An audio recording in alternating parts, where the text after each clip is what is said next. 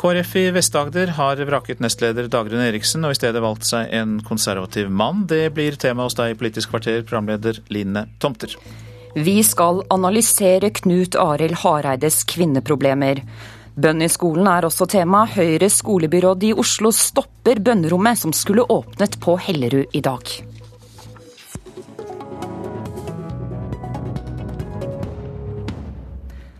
KrFs nestleder Dagrun Eriksen er nå definitivt vraket av lokallagene i Vest-Agder. I stedet for en ung kvinne velger sørlendingene seg Hans Fredrik Grøvan, 59 år gammel, kjent for konservative meninger.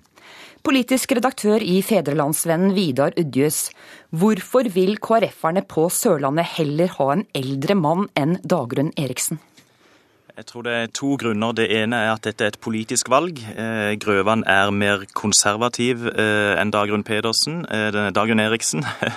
og, og han, han, har profilert en litt annen profil på KrF. Han er klarere i Israel-saken, han er eksplisitt på han kan tenke seg å regjere med Frp, og han står mer til det som nå er grasrotas holdninger i KrF i Vest-Agder. Åshild Mathisen, politisk kommentator i Vårt Land. Dette er ikke første gang KrF vraker en yngre kvinne til fordel for en eldre mann. Hva er det som gjør at kvinnene sliter med å overleve i dette partiet? Eh, ja, det er et godt spørsmål. Eh, det handler jo om at eh, disse kvinnene som skal åpne opp KrF for nye velgere får veldig store forventninger, samtidig som de har veldig snevre kriterier for hvordan de kan agere. Nå sa jo Dagrun Eriksen at hun ble vraka fordi hun var kvinne. Jeg vil sette det litt mer på spissen og si kanskje hun ble valgt fordi hun var kvinne. Altså til alle de vervene hun har fått.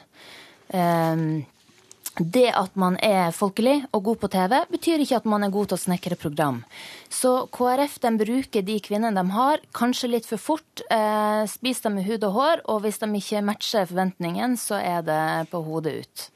Udjus, er dette ventet å skape noe velgeroppslutning om KrF på Sørlandet? Nei, men det er interessant fordi at en kan si at Dagrun Eriksen står for en profil som er mer eh, inkluderende og mer åpnende i forhold til andre velgergrupper, men så sies det også her nede da at hun har nå sittet i partiledelsen siden 2004, etter denne havarikommisjonen eh, la fram sin rapport etter katastrofevalget året før.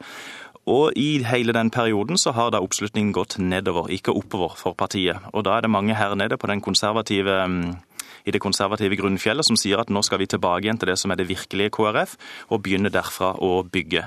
Hvorvidt dette da vil føre til flere velgere er jo høyst usikkert, men her på Sørlandet, i KrFs viktigste landsdel, så er det mange KrF-ere som er redde for lekkasjen til Frp og Høyre. Åsle Mathisen, hva slags problemer er det dette skaper for KrF-leder Hareide? Nei, Hareide kan jo ironisk nok komme i samme situasjon som det Dagfinn Høybråten var. Han var en konservativ leder, altså med motsatt fortegn. Han var konservativ med liberale nestledere. Eh, Knut Arild kan ende opp med å være den liberale som skal fornye partiet, og så får han da inn nestledere som er mer konservative.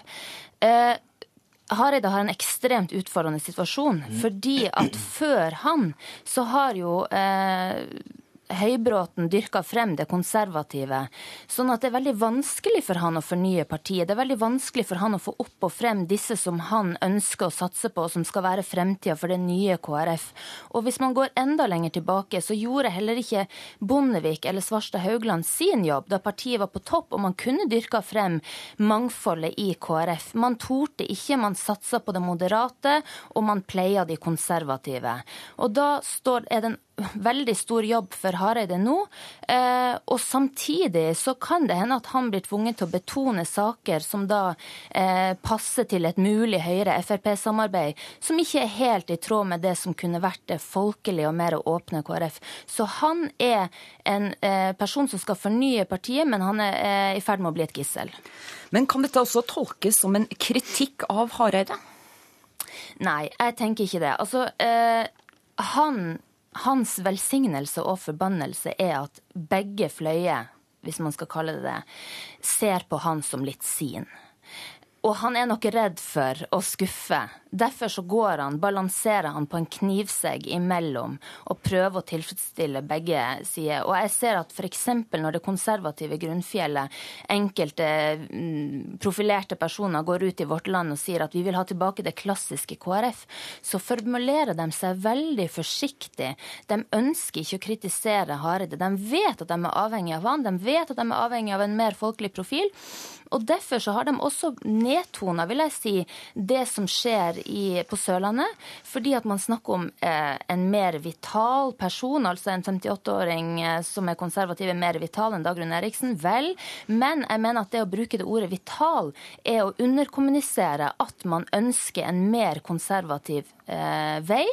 Og dette er desperasjon som skjer når, man, eh, når partiet går nedover på meningsmålingen. Da vil man tilbake til grunnfjellet med en gang.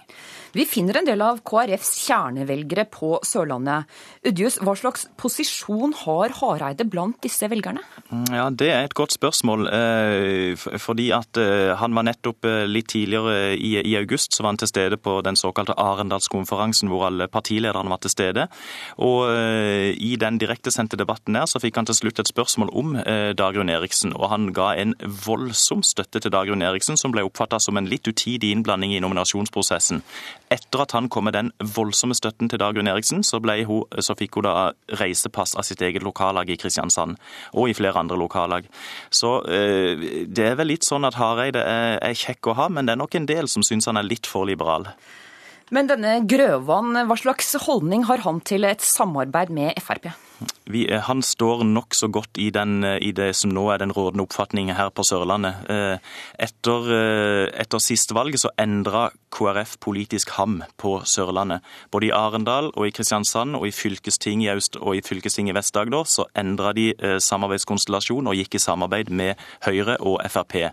Eh, helt entydig, og flere tillitsvalgte sa også at dette er vårt signal fram mot neste stortingsvalg, når KrF skal velge side, også rikspolitisk. Så hadde vi også denne strategikonferansen, som da endte med noe av det samme resultatet eh, nokså nylig. Og I det bildet passer Grøvan, i det bildet passer ikke Dagrun Eriksen, mener mange sørlands-KrF-ere.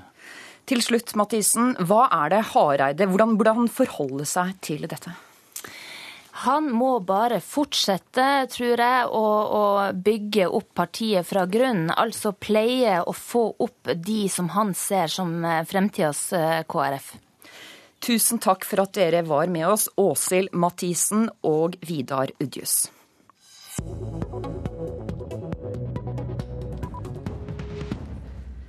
Skolebyråd Torger Ødgaard i Oslo stanser planene om et bønnerom på Hellerud videregående skole. Skolen ville opprette det de kalte et stillerom for bønn, fordi den ikke vil at elevene skal gå i kjelleren for å be. Men bønn i skolen vil ikke byråden ha noe av.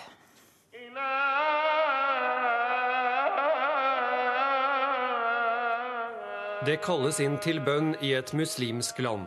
Praktiserende muslimer skal helst be flere ganger om dagen, uansett hvor de bor. Men eh, skolebyråd Torger Ødegård mener et slikt bønnerom ikke hører hjemme i den norske skolen.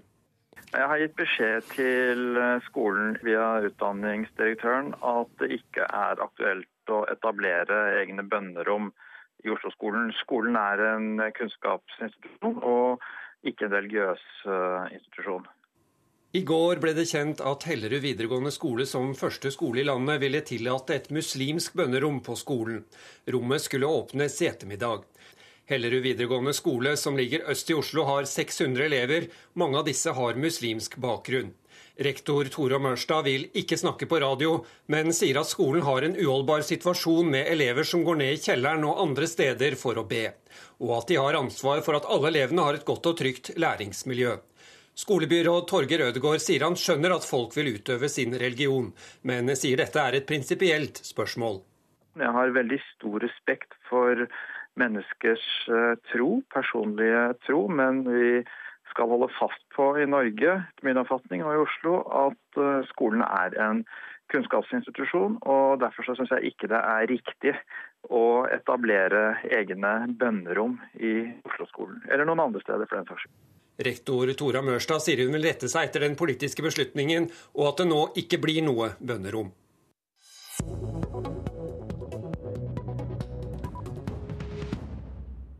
Stoltenberg bløffer om skatt. Det er ikke slik at skattelettelser automatisk fører til mindre velferd. Det skrev Nettavisens sjefredaktør Gunnar Stavrum i en kommentar denne uken. Gunnar Stavrum, hva går skattebløffen til Stoltenberg ut på? Det er ingen sammenheng mellom de skattene vi betaler hvert år og det vi bevilger oss til velferdsytelser. Og Grunnen til det er at vi lever i en oljefyrt økonomi. Men etter denne kommentaren om skattebløff, så lot ikke reaksjonene vente på seg på nettsamfunnet Twitter, bl.a. fra deg, Torgeir Micaelsen, finanspolitisk talsmann i Arbeiderpartiet. Hva er det som skurrer ved resonnementet til Stavrum? Hvis vi vil fortsatt ha en ganske omfattende fellesskapsbasert sektor i Norge som gjør oppdrag på vegne av alle, alle oss andre, så må vi også betale skatt. Det er en klar sammenheng hvor mye, mye vi betaler i skatt, eh, og hva vi får igjen. Men her hører vi at Micaelsen sier skattelettelser fører, eh, fører, til mindre velferd. Eh, hvordan kan du si at det, fører, at det ikke svekker velferden, Stavrum? For bare ta noen tall. Det jeg er opptatt av, er jo på en måte hvor mye skatt som egentlig har kommet inn til staten. Og Hvis du ser på hvor mye skatt som har kommet inn i år i forhold til i fjor og året før, så har altså skatteinngangen økt med nesten 100 milliarder kroner. 20 har den økt med. Når det gjelder personlige skattytere, så har skatteinngangen til staten økt med over 40 milliarder kroner. Norge har en av verdens rikeste stater med nesten 4000 milliarder kroner på bok i utlandet. Det er ingen sammenheng mellom de små skattelettelsene som det var snakk om i Norge, og velferdsnivået i Norge. Eh, vi har mer enn nok råd til å gjøre det hvis vi vil. En helt annen diskusjon som jeg ikke har uttalt meg om, det er hvorvidt vi bør bruke pengene privat eller på offentlig. Det er en politisk debatt jeg ikke har lagt meg inn i, men jeg er bare lei av den nokså tomme skatteretorikken vi hører i debatten. Men Michaelsen, nå, har, nå, hører vi at eh, skatt fra personer har økt med 40 milliarder kroner på to år. På et eller annet tidspunkt så må det jo være stopp også fra rød-grønne politikere? Jo, men nå må vi først rydde opp i begrepene. Det er ikke slik at vi i Stortinget har vedtatt noen skatteøkninger. Eh, da må man helt tilbake til 2006-2007, hvor vi eh, skrudde skattenivået tilbake til 2004-nivået. Det ligger helt fast. Det som derimot øker, er jo selvfølgelig inntektene, fordi det går veldig bra i deler av norsk økonomi. Da øker også skatteinntektene. Men vi har jo heldigvis ikke stilt oss sånn i Norge som man har også testa i andre land at når skatteinntektene øker, så deler man de si, ut igjen, enten i form av skattekutt eller eh, varig øke velstandsnivået eh, i, i, i, velferdsstaten. For da, jo, da, blir også eh, motsatsen til det at når da skatteinntektene faller igjen, så må man jo kutte tilsvarende eller øke skattene på nytt. Det har jo selvsagt ikke eh, Norge innrettet seg på den måten. Vi, vi, vi skjærer liksom gjennom gjennom å politisk styre hvor mye penger eh, økonomien tåler til enhver tid.